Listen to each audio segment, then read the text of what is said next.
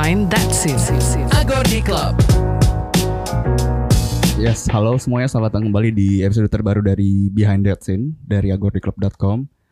Hari ini gue Pramedinata Prawira di studio inspigo.id Jakarta akan membicarakan satu band dari Bekasi ya yang dalam waktu dekat akan menyelenggarakan konser tunggal tepatnya di 31 Agustus 2019 di Rossi Musik Fatmawati. Dan kebetulan tahun ini juga album debut mereka yang bertajuk Rasuk genap berusia satu dekade nih. Jadi mungkin kita akan membicarakan sedikit tentang album itu juga gitu. Untuk itu gue bersama Remedy, An Andra dan Tami. Selamat datang di Behind That Scene. Apa kabar semuanya? Selamat malam. Terima kasih ya atas waktunya. Sebelum kita ngomongin uh, konsernya nanti ya tanggal 31 Agustus nanti gitu. Mungkin gue mau membahas tentang progresi dari album Rasuk ke album zaman-zaman dulu kali gitu. Album Rasuk kan walaupun setelah gue denger lagi ya kemarin ambientnya tuh sebenarnya masih udah ada di situ gitu. Tapi pendekatannya kan lebih ke folk lah ya katakan. Dari mana tuh uh, pengaruh folk itu terhadap album Rasuk? Udah 10 tahun yang lalu deh. Ya itu yeah. kita, kita gua Mandra tuh uh, udah ngeband-band dari SMA dan kita ya udah emang format band yang band, drum, bass ya standar format band terus kita kuliah kita agak bosan dengan format seperti itu. Jadi kita hmm. coba uh, nulis lagu benar-benar uh, minimalis aja gitu dan kebetulan karena kita idenya bikin musik kayak gitu akhirnya kita uh, terinspirasi sama referensi lain yang hmm. yang mirip uh, ya yang mirip seperti itu sih hmm. jadi memang ada unsur kayak kita bosen dengan format iya cuman walaupun ujung-ujungnya akhirnya ngeband juga ya karena karena kepengaruh kayak kebutuhan uh, live, live. Ya, panggung itu agak agak sulit dieksekusi kalau hanya kayak cuma gitar akustik yeah. ya. Oh tadinya justru materi itu tuh setnya minimalis ya? Iya memang minimalis sih idenya. Cuman walaupun terus akhirnya ya karena ada ide apa terus jadi BM. Iya jadi BM. ya, jadinya akhirnya kayak akhirnya jadi ujung juga format. Format. Ya seperti yang didengar di Rasuk itu. Oke. Okay. Ya. Nah uh, Tami baru join setelah album Rasuk udah jadi ya? Iya, uh, sebenarnya Tami udah ikut dari yang dulu gue masih edisional yeah. sih, pas okay. yang Rasuk itu hmm. masih edisional. Oke. Okay. Belum banyak apa? Belum inilah 100% yeah. di Train on the Wild gitu. Okay. Jadi cuman dari gig yang keberapa ya Tami? Udah ikutan Tami sebenarnya. Mm -hmm. Oh gitu. Cuman sebagai uh, additional, gitu. Kita mm. coba apa namanya uh, kombinasiin lah suara vokal. Kayak mungkin untuk kayak proses kreatifnya mereka gue waktu itu masih belum hmm. 100%. Masih ingat mungkin pertemuan atau encounter pertama dengan mereka, Tam? Hmm, pertama kali ketemu waktu itu masih pada kuliah semuanya yeah. ya. Terus hmm. kayak ya udah gue nggak tahu kayak mereka butuh suara cewek pemanis yeah, gitu. pemanis laki semua jadi ya udah pada saat itu karena ya gue perempuan akhirnya mereka uh, bisa nggak kalau misalkan isi backing di beberapa lagu di rasuk gitu. Tapi ya. emang emang kita butuh suara Tami bukan karena pro yeah. emang ya kita butuh suara suara karakter karakternya, karakternya. suaranya cocok. Iya. Ah itu mereka yang lebih tahu. Iya. Jadi tanya mereka aja kenapa gitu. Oke, nah di album itu kan sebenarnya dirilis oleh Lil Fish Records ya. Yeah. Dan gue baca Lil Fish discover kalian lewat MySpace gitu. Iya, betul. Nah, sekarang kan tuh sebenarnya apa yang dilakukan oleh banyak orang di digital presence hari ini gitu. Hmm. Menurut kalian seperti apa sih perkembangan discover musik lewat digital dari ketika Lil Fish melakukan itu kepada kalian dan perbandingannya dengan yang sekarang? Hmm, sebenarnya mungkin uh, efeknya mungkin kurang lebih mungkin sama ya. Cuman bedanya sekarang platformnya banyak gitu. Hmm. Dan ke kebetulan dulu ya kita cuma punya tuh mungkin MySpace kali ya yang yang musik Nah, ya. Iya, iya, yang, yang khusus MySpace untuk musik, musik itu ya kan. Kalau sekarang kan ada SoundCloud. SoundCloud, ada Spotify, Bandcamp Iya. dan lain-lain. Cuman cuman ya kita sih sangat bersyukur ada internet sih. Hmm. Dan memang kita mungkin dari generasi yang awal mula internet dimanfaatkan untuk promosi kali ya. Hmm. Iya. Gitu. Jadi ya kita sih sangat sangat support terhadap eh apa namanya eksplorasi musik via internet gitu. Andra mungkin mau menambahkan? Enggak sih. udah ya emang itu yang terjadi sekarang sih maksudnya udah kalau dilihat progresinya sih memang ya sekarang sih hmm, nggak bisa dibilang cukup mudah juga tapi ya memang medianya jadi lebih banyak aja gitu. Jadi kalau eh, gua rasa kalau dulu sih jujur gue juga MySpace nggak nggak terlalu ngulik banget sih waktu Hmm. itu jadi. Tapi kalau sekarang kan orang udah mulai umum lah dengan kayak apa itu SoundCloud, apa itu Bandcamp, apa itu. Kalau MySpace sekarang udah udah nggak ada kan. Kayaknya Udah- udah udah udah mati. Udah ya. mati, Udah mati, iya. udah hilang waktu Udah itu, hilang. waktu itu Iya. kasus. Dan maksudnya nggak cuma sekedar itu mungkin bisa aja mereka bikin video live session terus di-upload sendiri di YouTube, YouTube gitu. ya. Itu juga udah mudah juga gitu. Dan mungkin kita kalau nggak ada MySpace mungkin kita nggak ada di sini sekarang sih Iya. gua rasa. Jalannya beda ya. Jalannya beda. Dan ya itu sih un- untungnya ya ada MySpace sih waktu Apa yang waktu itu di di kontak pertama Leo Fish tuh apa yang mereka katakan? Eh, ngajak ketemuan. me- message, ya. Message, Jadi ya. memang gue nge-add nge-add Oh ya. random orang-orang. Ya, ada Jadi kan ya seperti tahu kan MySpace kan ada best friend berapa gitu Iya, iya. ya, 8 atau lupa. Ya pokoknya gue nge-add-add band Indonesia lah, The Adams, terus Pure Saturday. Nah, Pure Saturday kebetulan pas lagi dirilis yang album best of-nya dia kan Iya. Oke. sama si uh, Lil Fish, uh, Agus Agus Sasongko. Ya udah terus gue add aja lah si Lil Iya. Fish add terus gue gue baca Wah, Agus uh, ada uh, biografinya ya Agus Sasongko uh, terus uh, media distorsi uh, wah Hmm. media distorsi nih kelas berat nih gitu kan terus ya udah gue gue add terus nggak emang pas kebetulan kita juga lagi rekaman EP kita tadinya mau rilis EP gitu Hmm. Oh, oke. terus eh ya udah terus kita add habis itu nggak lama seminggu semingguan lah kira-kira Iya. si Agus nge-message gitu Hmm. eh ketemuan dong gitu ya udah kita langsung ketemu di GI udah langsung di ngobrol-ngobrol langsung ya udah langsung dari situ ya langsung mulai lah Hmm.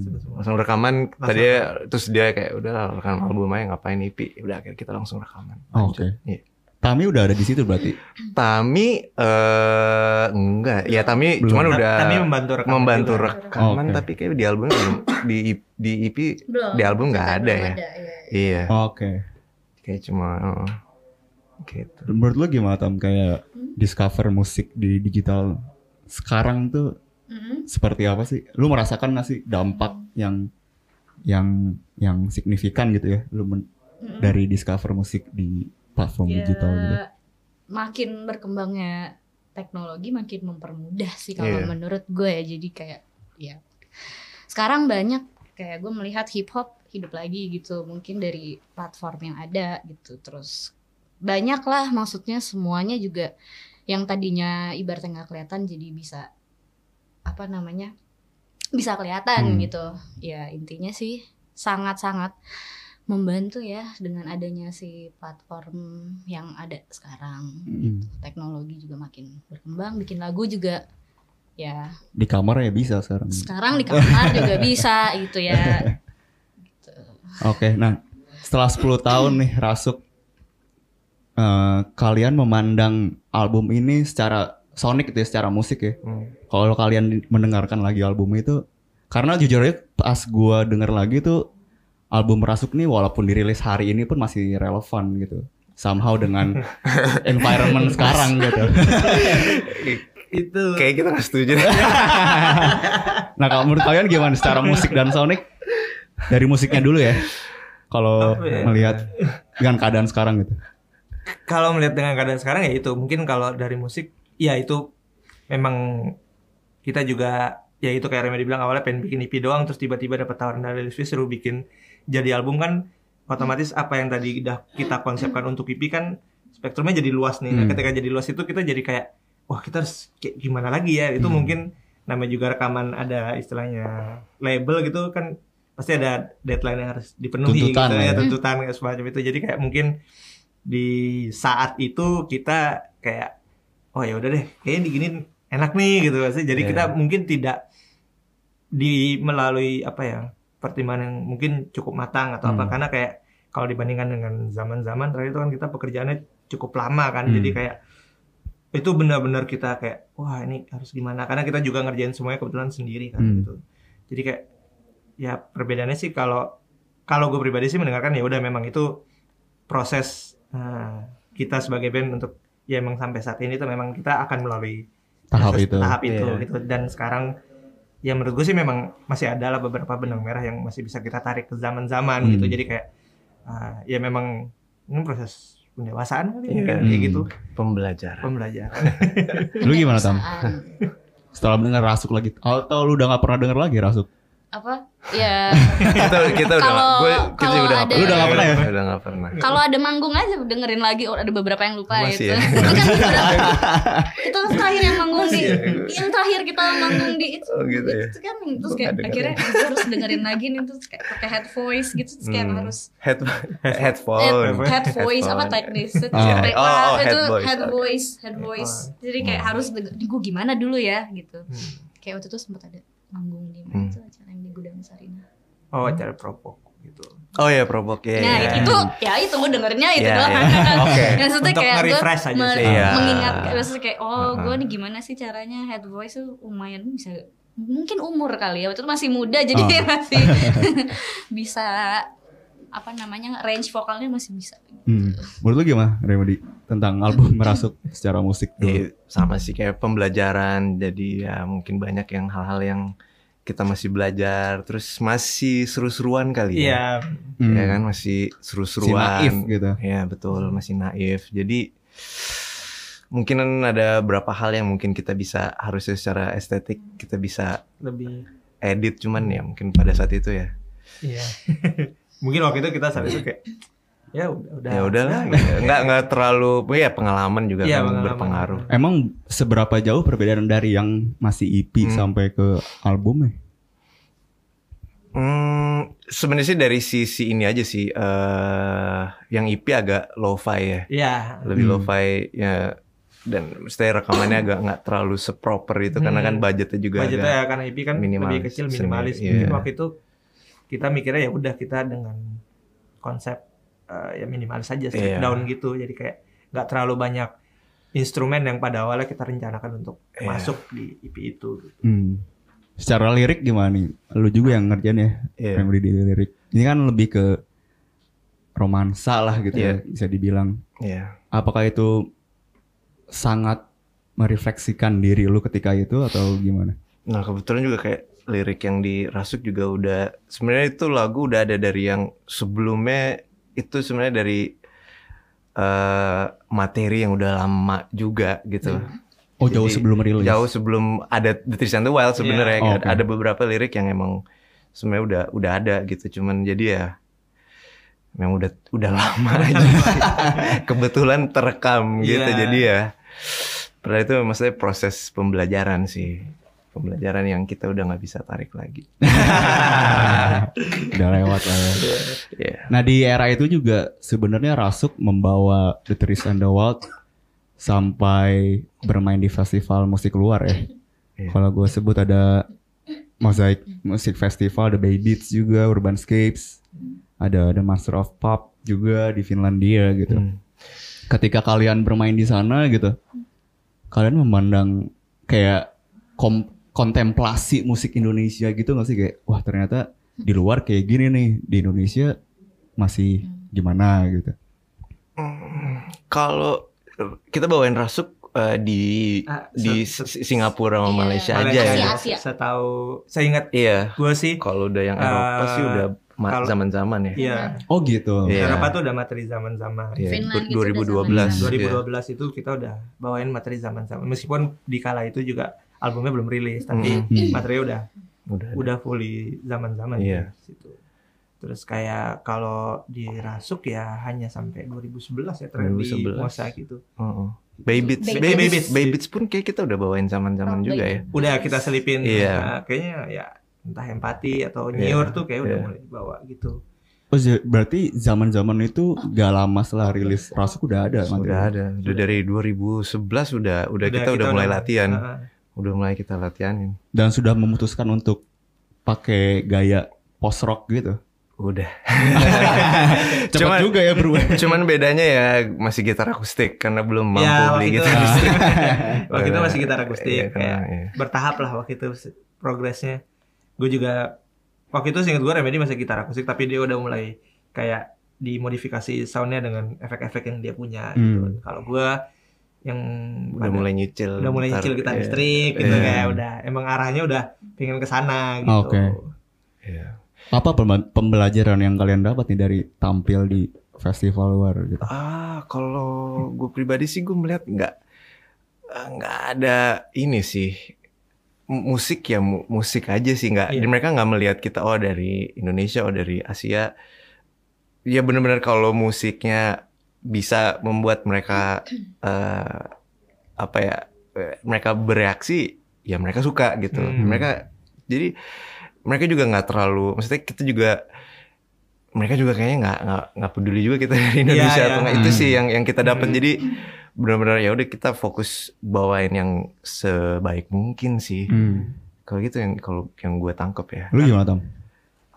Gue melihat lebih kayak keproduksian di san di luar dan di sini sih Hmm. kayak pertama kali main di luar gitu kayak wah produksinya uh, proper banget ya dari segi lighting sound segala macem terus kayak di sini tuh kita masih belum bisa mendapatkan itu Hmm.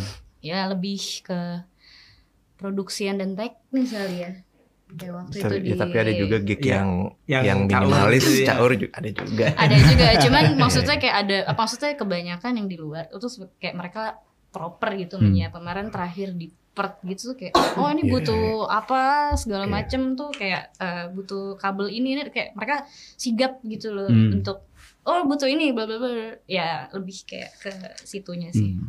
Lu gimana? Gue sama sih kayak maksudnya gue mencermati tuh kalau menurut gue festival musik di luar tuh bukan kayak gimana ya maksudnya eh, kewajiban oh gue harus datang ke festival ini karena apa gitu karena emang mereka ingin itu udah jadi kayak sesuatu yang biasa dan rutinitas untuk mereka. Jadi ketika mereka datang ke sana mereka juga mungkin nggak expect siapa yang main apa apa. Mereka cuma datang untuk ya gue pengen menikmati musik aja gitu. Hmm. jadi balik kayak kata Remedy tadi emang ya harus kembali lagi ke musik. Sih mereka nggak peduli siapa yang di atas panggung. Mereka akan ya kalau mereka suka kayak ya, ya sambutannya itu yang yang kita bisa rasain responnya tuh dari mereka tuh kayak oh ah, untungnya ya maksudnya selama kita berapa kali main tuh cukup positif gitu kayak kadang ada yang habis itu nyamperin kita ke backstage untuk Hmm. wah lo ah thank you mas saya udah main di sini Hmm. gitu maksudnya kayak ya itu sih maksud gue kayak lebih hmm, ke pengalaman itu lebih ke nggak tahu ya orang-orang sana tuh kayaknya emang nggak ada ekspektasi apa apa datang nonton musik tuh emang pengen nikmatin musik yang Hmm. enak aja buat mereka masih bagus lah buat mereka kayak gitu Pertama kali main di festival luar tuh apa ya? Iya di Singapura ya festival ya mozaik oh mozaik iya mosaik Music, uh, Rocking music. the Region rock the region ya Rock in the Region tapi itu Singapura. bukan festival bukan festival sih Bukan ya? Tampil pertama kali di luar itu. Iya. Rock the Region itu. Ah. Rock in the Region. Dari mana tuh awalnya kalian bisa akhirnya? kayak itu ah, acara yang Felix ya? Felix Felix Blas. Iya. ya kayak kayak itu gignya Felix Gignya ya Felix, dia yang ya. sering Hmm. sebelumnya kan udah banyak band Hmm, Indonesia teman-teman juga udah banyak yang main di Hmm. situ sih Kalau yang festival? Reaper Band kayaknya yang mozaik termasuk festival kan? Maksudnya Iya, termasuk mosaik. festival. Mozaik ya. mozaik Urbanscapes Urbanscape Urbanscape. terus ya Reaper Band juga. Reaper Band. Juga. Terus Clock and eh, Flap. Clock and Flap. Bukan flag. ya Gimana tuh awalnya kalian bisa akhirnya reach sampai festival festival itu? awalnya sih pertama di mozaik ya kita Iya. main terus ada booking agent kita yang sampai sekarang juga masih eh, bareng kita dia nonton Hmm. terus ya udah dia suka terus mulai dari situlah dia eh, mulai cariin gig eh, di Eropa Hmm. gitu terus dia dengan linknya dia dia ber uh, apa namanya ngelink kita dengan promotor-promotor di sana gitu. Hmm. Cuman ya itulah apa namanya memang ada juga yang harusnya kita manggung tahun 2011 cuman nggak Iya. jadi karena satu lain hal terus Iya. akhir jadi memang prosesnya memang nggak nggak cepet sih memang agak Hmm. lama gitu cuman intinya ya dari booking agent kita yang di Singapura sih Oh gitu. Iya. Sampai sekarang masih berarti. masih Masih. masih masih masih Oke. bareng sih Nah di 2016 nih akhirnya album kedua rilis ya zaman-zaman dan ketika itu eh, banyak orang yang sebenarnya kaget gitu kayak perubahan arahnya kan cukup signifikan gitu. Hmm. Ketik, tapi tadi Andra bilang dari 2011 ya udah ada sebenarnya lagunya. ya. Materinya udah. Materinya udah ada ya. Apa sih sebenarnya keputusan akhirnya? Eh ayo kita bikin kayak post rock aja nih dan kenapa post rock gitu? eh ya itu sih karena eh kita mulai manggung 2010 lah ya. 2010 terus kita main banyak gig terus kita ngerasa kayak dengan musik ini kita nggak bisa mengekspresikan semuanya yang kita mau ekspresikan gitu Hmm. loh. Nah makanya kita akhirnya coba telusurin musik yang akhirnya sekarang kita apa namanya kita bikin gitu loh. Itu adalah proses dari sebenarnya awalnya dari panggung sih ya Iya. dari panggung kita ngelihat ah yang kurang kayak gini nih yang mungkin kita harus eh, tambahin kayak gini mungkin kita arahnya harus seperti ini gitu loh. Ya akhirnya jadi kayak sekarang sih. Jadi proses kayak semua gig tuh pasti pasti banyak yang kita ngobrol kayak ini kurang kayak gini nih tadi nih kurang kayak gini deh. Coba deh kayak nanti Hmm. besok kita akan kayak gini gitu. Jadi semua itu tuh proses yang yang yang kita apa ya aminin gitu istilahnya. Semua kita gig kita rekaman semua itu kita coba coba coba review kali ya Iya, coba lihat. akhirnya jadi kayak zaman zaman kayak gini Hmm. gitu dan memang mesti kita berusaha zaman ini udah siap di panggung udah siap gitu Iya. makanya ya kenapa zaman zaman kayak gitu ya karena ya proses selama Cukup panjang. 2010 kita Iya. manggung kita ngelihat mungkin dan kita juga lihat band lain main wah bisa kayak begini ya Iya. coba deh kita kulik lagi gitu. Oh, Oke. Lu ada tambahan mungkin Tam? Ya kurang lebih sama sih. Lu Indra gimana? Ah iya baik. Eh, mung- kayak tadi gue bilang mungkin kita dari 2011 tuh udah pernah bawain lagu itu makanya mungkin apa yang banyak orang dengarkan di album zaman-zaman sekarang itu tuh tuh bisa jadi kalau orang dengerin versi awal tuh bisa berbeda jauh karena tadi yang ini mungkin kayak itu proses pembelajaran maksudnya kayak kita ya setiap panggung review pendewasaan. pendewasaan maksudnya kayak wah ternyata kurang cocok ya kalau diginiin kita harus coba bawa kayak gini Hmm. gitu jadi hmm, pada akhirnya mau makan waktu cukup lama akhirnya kita memutuskan untuk ya udah deh udah kayak gini nih ya kayaknya ini yang udah udah siap dan matang, untuk Matang. dibawakan ya udah akhirnya terjadilah itu zaman-zaman Hmm. seperti seperti itu Sebenarnya kan zaman-zaman itu ketika dirilis tahun 2016 itu mendapat sambutan positif ya dari beberapa media bilang kalau ini salah satu album terbaik di 2016 gitu. Tapi kalian mendapat feedback yang berbeda nggak dari penggemar gitu yang udah ikut dari terus ikut dari awal gitu. ya, ya ada ada saya orang kayak bi- ada mungkin mereka kayak ya kaget sih atau mungkin Iya. wah kenapa cukup jauh ya gitu dari dari album pertama gitu rasuk gitu tapi ya ya kita juga nggak bisa maksudnya kayak Nggak bisa nyalain mereka. Iya, Iya, iya. hak, Mereka hak, kan hak mereka. selera. maksudnya kayak Soalnya kita juga ngeliat kayak Rasuk juga pasti ada banyak juga yang nyampah-nyampahin juga. Iya, yang sama iya, juga iya. kayak zaman-zaman pasti ada yang Mungkin ada yang nyampah-nyampahin nyampahin, juga. Jadi iya. ya itu bagian dari eh, proses ngerilis satu karya gitu. Iya. Pasti ada pro kontra, ya tinggal kitanya aja kita yakin gak nih Iya. karya ini gitu. Sebenarnya apa sih perbedaan yang paling signifikan ketika uh, mengeksekusi atau menciptakan rasuk dengan materi seperti itu dengan zaman-zaman yang mungkin lebih jauh lebih matang gitu. Ketika menciptakan itu apa perbedaan yang paling berbeda gitu, signifikan gitu. Mungkin konsep kali ya. konsep Konsep konsep zaman-zaman gue rasa lebih mateng dan eh, udah kita udah tahu apa yang kita bisa dan apa yang kita nggak bisa. Hmm. kita udah tahu sih yang kira-kira yang cocok kita bawain ma- mana yang kayak ah nggak deh Hmm. kayak ini nggak nggak cocok gitu itu sih jadi kita udah tahu kelemahan dan kapasitas kita sih. Itu aja hmm. bedanya. Kalau soalnya gue ngeliat kayak Rasu kita cuma jalan rekaman aja yeah, tanpa yeah. melihat ini sebenarnya kita harus ke mana sih? Yeah, yeah. Hmm. Tapi secara pas bikin kayak gitu kayak rekamannya atau pas uh, workshopnya lah hmm. gitu katakan itu sangat jauh berbeda metodenya dengan sebelumnya atau? Ada beberapa sih misalnya kayak mungkin kalau dulu pas zaman rasuk tuh kita kayak cuman ya udah rekaman di satu studio ini aja terus kayak semua dilakukan di situ tapi di sini kita di zaman ini kita coba lebih mengeksplor oh kalau tech drum kayaknya bagusan di, studio, studio sini hmm. atau untuk gitar karena gearnya lebih mumpuni di studio A ya kita ke studio A hmm. gitu jadi kayak prosesnya seperti itu juga dan terkadang ada beberapa bahkan ya itu kayak balik lagi kayak Remedi tadi bilang kayak kita tahu kekurangan lebih kita kadang ada yang udah part yang udah terekam gitu tapi kayak kayaknya ini hmm. ketika ini masuk akan mengganggu keseluruhan album ini gitu hmm. jadi kayak oh sebaiknya kita entah ganti atau entah kita emang nggak pakai sama sekali gitu karena hmm. kita berbicara di zaman ini kita bukan dari lagu per lagu tapi emang kita karena konsep itu kita benar-benar pikirin ini kalau kita dengerin dari awal sampai akhir nih relate nggak gitu maksudnya semua lagunya terus hmm. buat kita juga gitu hmm. secara konsep gitu hmm. sih. Oh, mungkin ada menambahkan tam ketika proses menciptakan zaman-zaman ketika itu? Kalau oh zaman-zaman ya, hmm. gue lebih melihatnya sih ya itu tadi uh, kan ada beberapa lagu tuh di zaman ada tujuh ya hmm.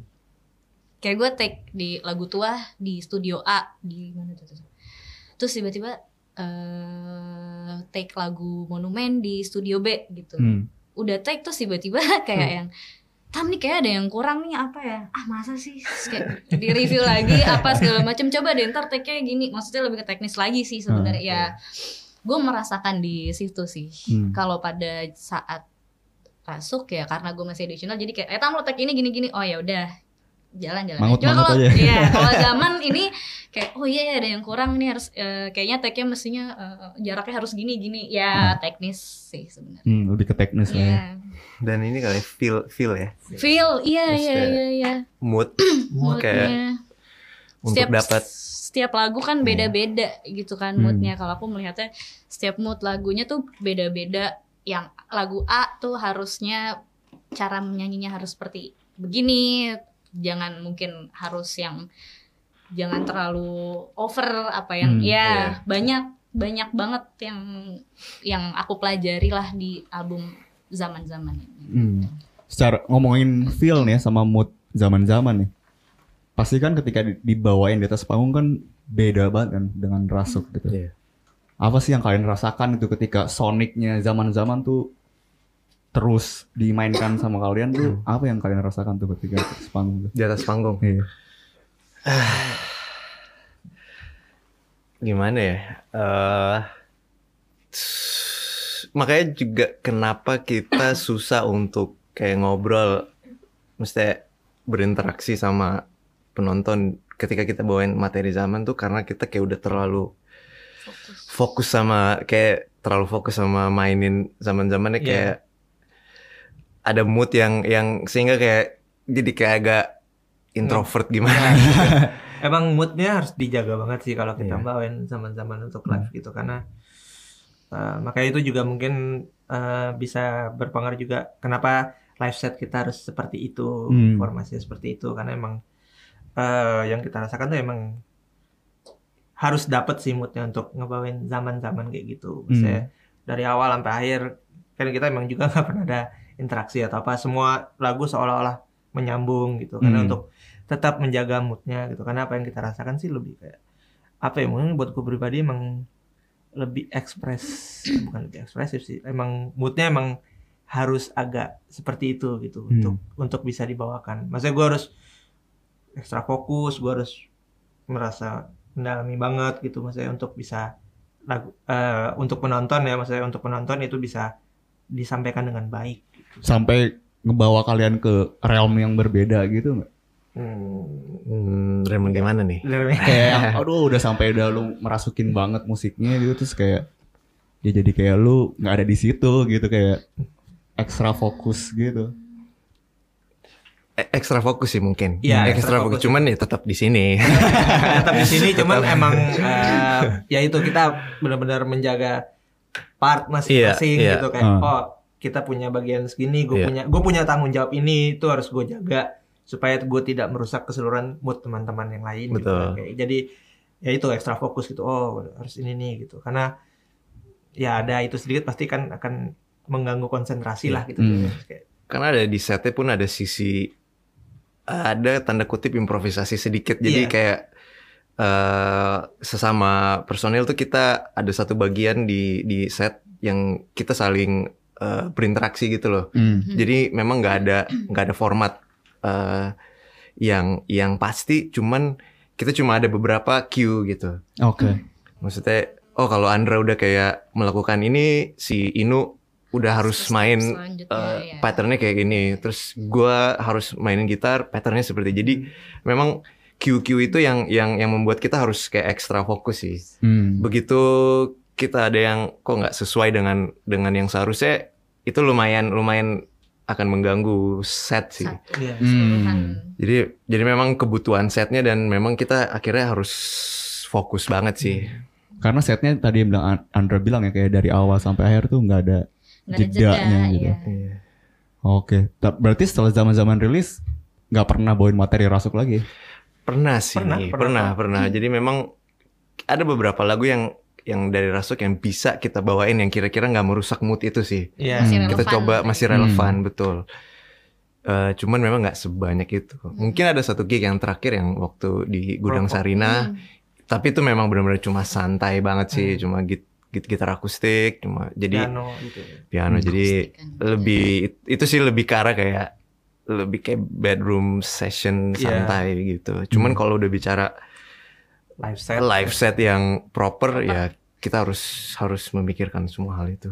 Dan si posisi personelnya juga udah berubah gitu ya si drumnya Maksudnya? Iya. di depan gitu. Oh iya. Dan itu selalu kayak gitu ya setiap Ki- zaman Kita usahain sih selalu kayak gitu, selalu kayak gitu. Karena ya itu ada QQ yang yang memang Interaksi. mengharuskan Hmm. gua harus se- secara secara visual ngelihat Inu lagi mainin pattern itu. Hmm. Terus Andra pun juga harus ngelihat Inu lagi main pattern Hmm. itu gitu. Jadi memang secara visual pun kita harus harus harus harus melihat gitu. Hmm. Sehingga ya udah eh, apa namanya set eh, panggung kita harus kayak itu ya karena itu. Hmm. Nah ngomongin masalah lirik zaman-zaman nih, kan di Iya. tadi yang seperti gue bilang dia rasuk lebih ke romansa gitu-gitu ya. Dan sekarang di sini semua lagunya berbahasa Indonesia Hmm. dan banyak metaforanya juga, terus lebih tentang hidup lah gitu ya kenyataan hidup gitu. Apakah ini merefleksikan lagi-lagi merefleksikan keadaan lu ketika itu? Iya sih, memang. Iya. Jadi memang ya waktu itu juga eh kita 2011 akhirnya eh, kita gua sama Andra coba ya udahlah kita kita Kita Bekasinya keluar. Jadi kita ya udah kita em, kita rasa kita butuh kayak kita harus kerja ya, Hmm. kerja kantoran gitu.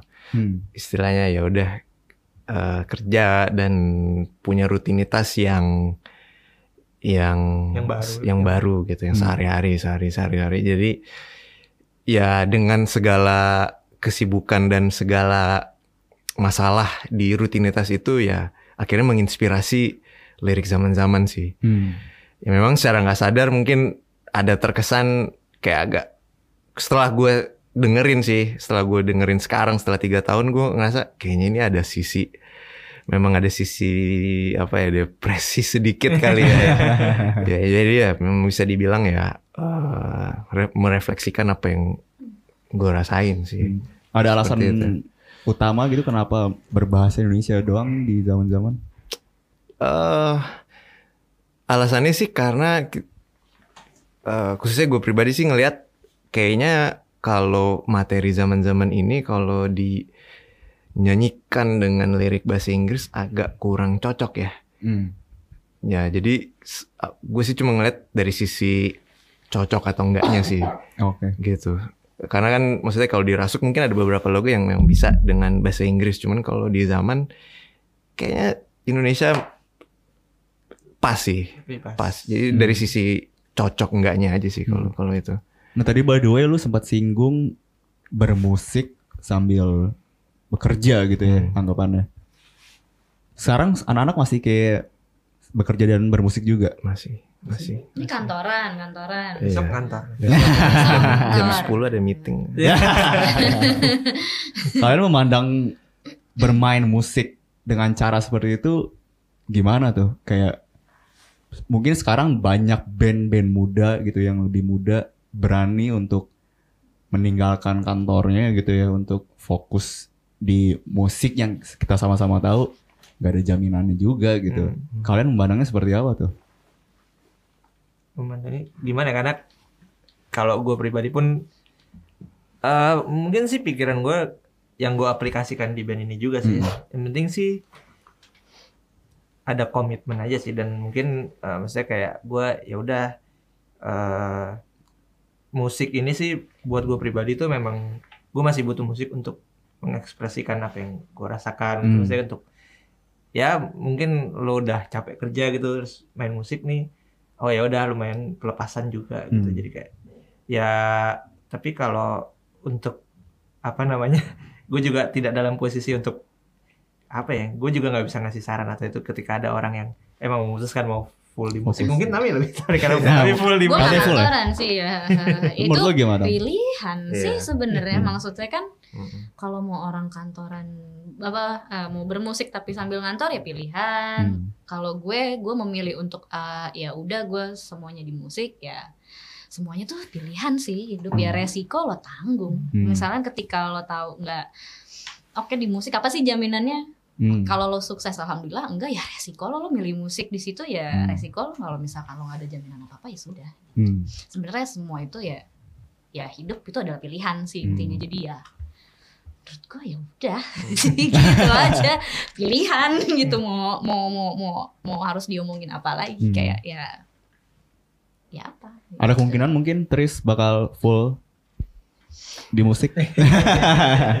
Eh, kayaknya sih kalau ke eh, ya ada sih beberapa milestone yang oh kalau kita kayak gini mungkin kita bisa bisa. Ah, 100% gitu. Cuman eh, ya itu balik yang Tami bilang itu Pilihan. pilihan sih. Hmm. Maksudnya karena sebenarnya kerja kantoran pun juga nggak 100% menjanjikan. Iya. Bisa aja kantornya tutup, Tutup. dia Bangkrut. bangkrut, PHK. PHK, Iya. ya sama aja sebenarnya gitu loh. Tinggal makanya orientasinya apa gitu loh. Mau Hmm. melakukan satu hal karena apa eh, mau apa gitu, mau Hmm. menghasilkan karya atau mau cari uang itu kan pilihan lagi, gitu iya. loh. Oh, Oke. Nggak ada yang pasti apalagi di zaman sekarang kan. Iya. Gak ada yang pasti lo besok masih Iya. hidup juga nggak tahu Iya, gitu. iya, iya, Kayak maksudnya gitu. karena gue juga Iya. kerja kantoran juga ya takut di PHK juga Iya, gitu loh. Mungkin Kita nggak banget yang- gitu. Kita nggak ada yang tahu sih. Musik pun bahkan musik lebih ya ya makanya musik pun lebih susah gitu loh. Hmm. Sekali main jelek ya orang nggak bakal nonton lagi gitu. Hmm. Ya kantor pun sama kita eh, Melakukan melakukan kesalahan. kesalahan yang fatal ya SP1 SP1 SP2 SP2 PHK gitu. Bahasa kantor. Sama sih memang ya semua itu pilihan gitu. Oke oke. Nah mungkin ada ini kali bocoran untuk materi terbaru nih. Udah tiga tahun ya dari 2016 ke 2019. Ada tiga tahun 2019. ya? Eh, tiga tahun. Udah lumayan lama nih. Ada mungkin yang sedang digarap atau apa? eh ada sih, cuman ya nanti kita lihat lah tanggal 31 gimana nya. Ya bisa kita coba. Eh mungkin ada beberapa ide, cuman untuk kayak rilis EP gitu Hmm. kayak belum atau rilis album kayak belum. Cuman ya kita tetap ngulik terus sih, tetap ngulik. Ada beberapa ide gitu. Nanti kita coba lah tanggal 31. Materinya akan serupa dengan zaman-zaman berarti. Hmm, Atau bakal ada progresi baru lagi nih. ya harus ada progresi ya. Harus ada progresi. harus ada progresi sih Hmm. kalau menurut kita dan mudah-mudahan itu yang dilihat progresi gitu. Iya. Nah ngomongin konsernya nih ya, tanggal 31 Agustus di Rossi Musik nih. Apa yang bakal kalian tawarkan di konser tersebut gitu? Apa yang membedakan penampilan Tris and the Wild di Rossi Musik nanti dengan sebelum-sebelumnya gitu? Em, makanya kita juga kenapa akhirnya kita mau eh, bikin kerjasama dengan eh, teman-teman binaural Iya. karena kita melihat ini adalah eh, satu kesempatan untuk yaitu yang yang tadi lo bilang Bram menunjukkan progresi kita gitu. Oke. Kita kita coba lihat oh zaman-zaman sekarang di sini kira-kira nanti next stepnya tuh apa sih gitu Hmm. loh. Hmm. Ya kita, kita mau coba eksekusi di konser itu sih. Oke. Gitu. Jadi kayak bakal ada teaser dikit gitu lah ya. Ah, nggak teaser. Cuman Sih, mungkin mungkin ide, Mem- ide, iya, iya. memberi ide atau Ah. memberikan gambaran gitu maksudnya kayak Itu yang yang yang saat ini sekarang kita lagi lagi lagi rasain, rasain ya, ya. gitu. Oke. Ngomongin musik eh, tadi sempat gue singgung band-band muda yang sekarang bermunculan ini kan dengan adanya platform digital kan semakin menjamur ya musisi memperkenalkan karyanya gitu. Dari kacamata kalian semua nih seperti apa sih perkembangan band-band muda sekarang kalau kalian bisa nilai? Mantap sih ya. ya jadi lebih ya itu kesempatannya jadi makin terbuka lah untuk mereka semua nih jadi platform yang makin banyak jadi kayak banyak banget sih maksudnya kayak kalau gua cermati gitu oh ternyata ada eh, karena gue pribadi saat ini juga nggak apa namanya kurang terlalu karena sibuk kerja gitu saya Hmm. kurang terlalu mengikuti lagi apa yang Hmm. baru muncul apa gitu tapi setelah tahu oh ternyata ada band ini ada band itu ada eh solois ini ada yang komposer ini elektronik ini kayak gitu jadi kayak ya bagus lah maksudnya makin makin banyak pesertanya kan makin mening- meningkatkan kompetisi lah istilahnya Hmm. orang akan makin belajar oh oh mereka bisa seperti itu gitu gue harus lebih baik dari ini lagi gitu lah Hmm. kayak gitu Menurut lu gimana Tom? Hmm, em, menurut gue ya gimana ya gambarannya ya. Balik lagi deh kalau kayak zaman dulu tuh kita cuman bisa nonton eh sorry kita bisa dengerin lagu yang benar-benar terkenal itu tuh kan di TV, radio, play yang banyak gitu apa segala macam. Sekarang kayak udah ada eh, platform digital yang banyak banget gitu. Jadi semua orang yang dengerin musik tuh bisa menyeleksi apa namanya apa sih yang mereka suka Hmm. Musiknya tuh seperti apa tuh banyak gitu di platform ini Hmm. gitu. Jadi yang balik lagi yang gue bilang tadi yang tadinya tidak kelihatan jadi kelihatan nih si musisi ini. Terus Hmm. yang bagus jadi kelihatan gitu. Dan mereka bisa memilih kalau misalkan mau dengerin hip hop ada ada ininya gitu. Hmm. ada tempatnya gitu. Kalau misalkan mau dengerin yang lain juga ada gitu. Maksud gue kalau dulu kan kita cuman bisa tahu dengerin cuman di radio di TV gitu kan. Jadi kayak sekarang udah jadi banyak pilihan sih gitu dan pendengarnya pun juga jadi bisa memilih gitu mau dengerin apa tuh juga jadi makin mudah makin gampang gitu Hmm. nggak cuman bisa denger radio atau di TV doang menurut gue sih gitu Menurut lu gimana ya Budi? Tentang band-band baru sekarang nih Gue Ya. gak bilang Tris band dulu ya udah tua Udah tua. Kita udah tua. udah tua Band-band baru ya. Maksudnya dari sisi gimana nih? Dari mungkin eh, variasi karyanya Dari pergerakan mereka di digital presence gitu Hmm. Karena kan bisa dibilang mungkin Bahkan nggak perlu dari era rasuk gitu Dari era zaman-zaman pun udah jauh berbeda sekarang Iya, Itu semua betul. orang Lebih apa ya Lebih kayak fluktuatif gitu ya Nggak hari ini apa besok gimana gitu Kayak gampang berubah gitu nggak sih? Iya, eh, mungkin ininya kali ya. eh udah udah buk kayak sekarang tuh udah bukan cuma manggung manggung manggung manggung lo akan lo jadi gitu. Hmm. Sekarang tuh harus ada sisi sosial medianya, lo Iya, harus bisnis plan apa Iya. agak lebih ribet sih Iya. sekarang ya. Yang kita juga pun juga udah nggak nggak nggak ketika kita, kita udah agak agak agak agak udah agak ket- udah ketinggalan. nggak bisa ngikutin juga terus terang nih.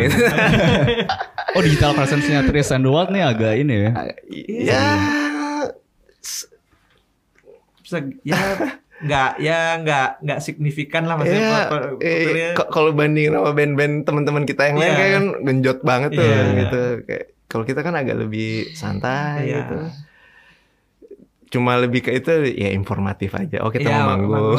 kita mau konser. konser terus kebetulan kita punya teman yang apa jago-jago foto. Ya Ya, nih kita ini. tampilin kita Fotoin pas munculin.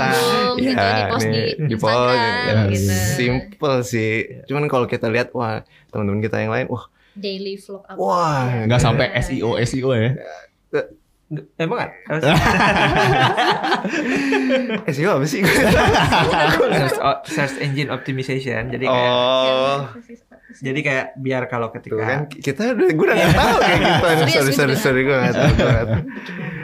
ya, jadi ya kalau kita kalau gue ngeliat sih memang sekarang lebih lebih harus kalau tanda kutip kalau mau viral ya harus kayak begitu gitu. Cuman cuman kayaknya untungnya kita nggak bermain di ranah itu sih ya. itu balik lagi pilihan Pilihan, gitu. pilihan mereka Iya. mungkin untuk mau jadi seperti itu ya begitu Iya. caranya Shit kalau post, kita shit post gitu. nggak tahu Nggak apa-apa. Nggak Ya, maksudnya ya ya, bebas pilihan kalau kita kan ya pada sibuk juga gitu Mm-mm. terus ya udah bi- adminnya kita sibuk, admin sendiri. kantor tanggal 31 ntar mau ada konser tiap minggu latihan tuh kan Iya. kayak waduh ngurusin itu aja tuh Iya. udah lumayan kan Oke deh. Teman-teman yang mau nonton konsernya The Trees and the World tanggal 31 Agustus 2019 di Rosi Musik Fatmawati silakan datang cari informasinya di sosial medianya The Trees and the World. Masih ada nggak sih tiketnya? Masih ya? Masih ada, Masih ada beberapa, beberapa kayaknya. gitu. Ah, udah dikit lagi sih. Iya. Berapa harga tiketnya? Ah, 150. 150. 150 ribu ya? 155, 150. Eh, sudah di mana, Bang? 155 kayaknya deh. Iya. Around Iya. segitu lah ya. Iya, heeh. Jangan pada protes sama harga ya. Iya. Soalnya Pasti dapat nih protes-protesnya ya. Iya, untungnya sih enggak ya. Iya, untungnya Kayaknya enggak. mereka juga tahu ini DIY juga. Iya. Iya. Kita juga sebenarnya udah ngeset waktu itu announcement supaya pas habis gajian. gitu. Iya, habis gajian memang kita udah sesuaiin nih. Kita paham lah. Kita ngerti. Kita Sebagai juga Sebagai employee juga. Iya, paham Tanggal lah. tua, tanggal Tanggal tua, gitu. aduh ribet pengen nonton. Iya. Oke deh, Remedi, Siap. Andra, Tami, terima kasih banyak atas waktunya. Semoga sukses ya konsernya. Sama-sama. Teman-teman terima kasih sudah mendengarkan Behind That Scene bersama The Trees and the Wild. Sampai ketemu lagi di episode terbaru dan sampai jumpa. Behind that scene. Agordi Club.